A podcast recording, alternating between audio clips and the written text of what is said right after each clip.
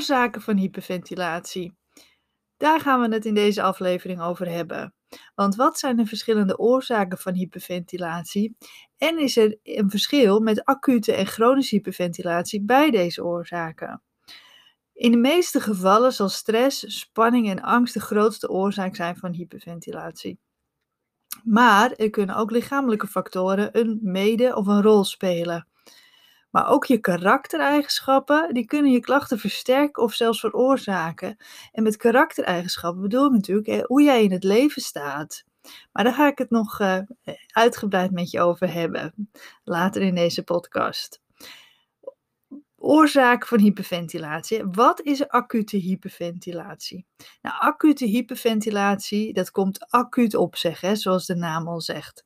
En dat is een aanval waarbij je acuut verschillende klachten kunt ervaren.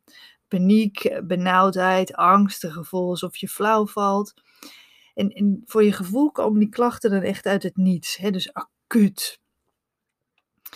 En, dat is, hè, in een andere aflevering heb ik het al uitgebreid met je over gehad. Hè, wat is acute hyperventilatie en wat is chronische hyperventilatie? Maar ik vat het nog eventjes voor je samen.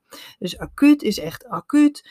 Eh, op het moment dat je uh, schrikt of dat je uh, slecht nieuws krijgt, dat je eigenlijk uit het niets gewoon een aanval krijgt, waarbij je bijvoorbeeld heel erg benauwd hebt.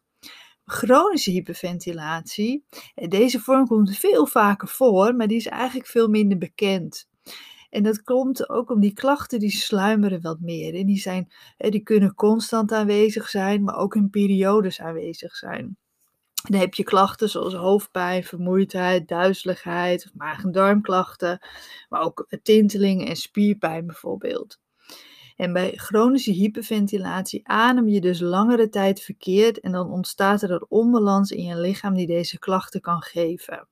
En als jij langere tijd stress ervaart, dan, dan adem je dus wat langer al, al verkeerd, bouw je zoveel spanning en zoveel stress op, dat je chronisch gaat hyperventileren. En dan heb je dus, dus het verschil tussen acuut en chronisch is acuut heb je echt een aanval met hevige klachten vaak. En chronisch heb je vaak ja, wat, wat, hè, wat sluimerende klachten. Dat je gewoon gewoon niet lekker in je vel zit. Dat je gewoon allemaal, vervelende lichamelijke klachten hebt die, die je cont, continu hebt en niet echt in zo'n aanvalsgewijze. Maar oorzaken van hyperventilatie, is dat dan altijd stress? stress en spanningen zijn heel vaak de hoofdoorzaak van hyperventilatie, maar niet altijd. En we denken vaak wel dat dat de enige oorzaak is. Of zelfs dat het tussen je oren zit en dat je het zelf doet. Maar dat is echt niet zo. Want vaak is de oorzaak dat je dus langere tijd over je grenzen gaat. Maar ook hè, die karaktereigenschappen kunnen een rol spelen. En dat tussen je oren zitten, dat, dat vind ik verschrikkelijk. Als je dat denkt, dat je het zelf doet. Want dat is natuurlijk gewoon uh, niet zo. Want uh, stress als je iets naars meemaakt, dan wil je lichaam je beschermen. En een van die dingen die er dan gebeurt, is dat je wat sneller gaat ademen. En als dat dan lang duurt, dan ontstaat dus die onbalans in je lichaam. Dus, dat je, dus het, je verzint het niet, het zit niet tussen je oren, maar je hebt echt die klachten. Alleen de oorzaak zit misschien al een beetje tussen de oren, hè? dus die, die stress de manier hoe je denkt. Maar je, ja, je hebt het echt, die, die lichamelijke klachten. En bij, bij acute hyperventilatie uh, kunnen ook bepaalde omstandigheden een rol, een, een, rol spelen of een aanval uitlokken. Uh, denk bijvoorbeeld aan een hele drukke omgeving, heel veel mensen om je heen, of een gesloten ruimte, heel heftig licht. dus, dus dat kan ook bij, bij acute hyperventilatie, dan kan dat eigenlijk ook een rol spelen. En als jij bijvoorbeeld ergens bent en je kan niet weg, en dan kan dat zo'n trigger zijn voor, uh, voor een acute aanval. En daarbij is het vaak ook zo als je eenmaal een aanval van hyperventilatie hebt gehad, je heel vaak bang bent om het nog eens mee te maken. En door die angst en die bijbehorende spanningen neemt de kans op herhaling echter alleen maar toe.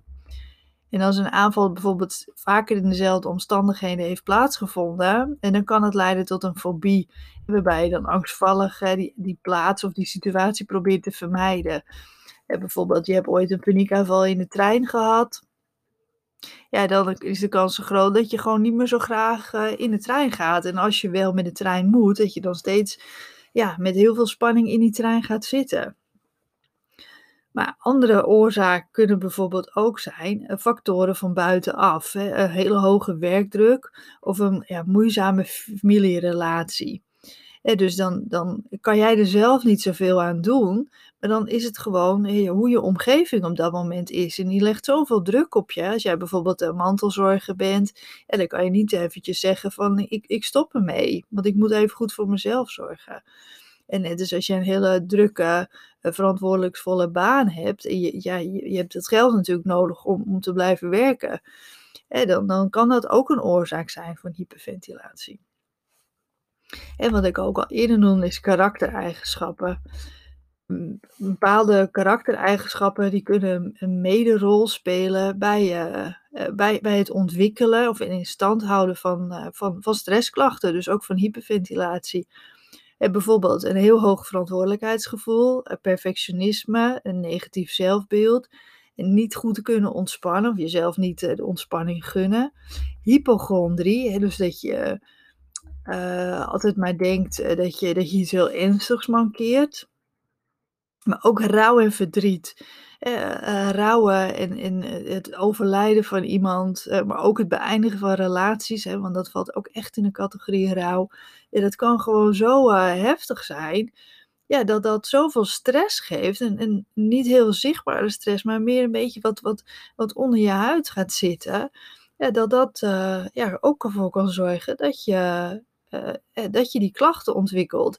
Dus dat is natuurlijk niet echt een karaktereigenschap, maar wel iets. Uh, verdriet is natuurlijk wel iets wat je, hoe, hoe jij reageert op een bepaalde situatie. En met rouw kan ook bijvoorbeeld, hè, wat ik zeg, overlijden. En maar ook het beëindigen van een relatie of een scheiding van, je, van jezelf. Maar ook bijvoorbeeld van je ouders. En dat kan ook nog ja, van langere tijd terug al zijn.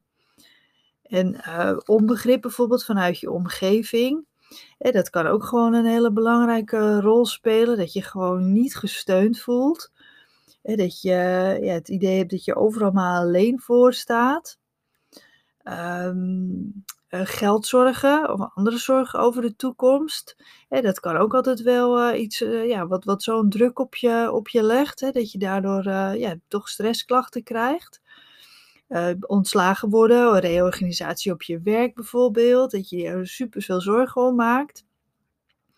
Maar ook eh, lichamelijke uh, oorzaken, bijvoorbeeld slecht slapen, of je heel, heel erg boos bent, uh, spierspanning en die ongunstige houding. Um, pijn. Pijn geeft ook gewoon stress. En wat dan natuurlijk weer als nadeel heeft, is als jij pijn hebt, uh, dan is het een stressreactie, dus ga je sneller ademen, uh, waardoor je weer gevoeliger wordt voor pijn. Dus dus dat, dat, dan kom je in zo'n vicieuze cirkel te zitten. mensen die hooggevoelig zijn, HSP'ers, die zijn ook vaak veel gevoeliger voor, voor hyperventilatie. En ja, nog wat andere lichamelijke oorzaken, bijvoorbeeld allergische reacties, bij, zoals hooikoorts. Um, andere longproblemen, bijvoorbeeld COPD of astma, heel erg vermoeidheid, koorts, uh, maar ook zuurstoftekort als je in de bergen bent. dat, dat kan ook een rol spelen. En wat ook belangrijk is, is uh, vitaminetekort. Bijvoorbeeld vitamine B12 en vitamine D. Vitamine D kennen we natuurlijk uit uh, van het zonlicht. Uh, heel veel mensen met hyperventilatie hebben ook een lage waarde van vitamine D. En een lage waarde van vitamine D geeft vermoeidheid, negatieve gedachten, spierpijn. Um, dus het is belangrijk dat je dat eens een keertje na laat kijken bij je dokter om te kijken of, je, ja, hoe, of, je, of die voldoende is. En anders dat erbij slikken. Hetzelfde geldt voor vitamine B12. Ja, dus uh, ja, dat, zijn eigenlijk een beetje de oorzaken van hyperventilatie. Dus het is niet altijd ja, dat je denkt dat het, dat het gewoon puur uh, stress is of de manier hoe je denkt is. Dat kunnen ook echt wel lichamelijke oorzaken zijn. Maar ja, er zijn natuurlijk allemaal dingen waar je heel goed aan kunt gaan werken. Dus kijk eerst voor jezelf, wat is bij jou eigenlijk de hoofdoorzaak en welke medeoorzaken spelen misschien ook een rol. En, uh, ja, en kijk eens wat je daaraan kunt veranderen en, en hoe je dat kunt aanpakken. En, want het is natuurlijk gewoon zonde als je je zo blijft voelen. En ja, kijk eens goed op mijn website. Er staat heel veel meer op uitgelegd. Er staat ook een zoekbalk en dan kan je bijvoorbeeld jouw klacht kan je invullen. En dan kan je, ja, krijg je de, de uitleg te lezen. Nou, ik hoop dat je weer uh, veel geleerd hebt van deze aflevering. Uh, klik op volgen, zodat je op de, op de hoogte blijft van de, van de volgende afleveringen die ik uh, erop ga zetten. En tot de volgende keer.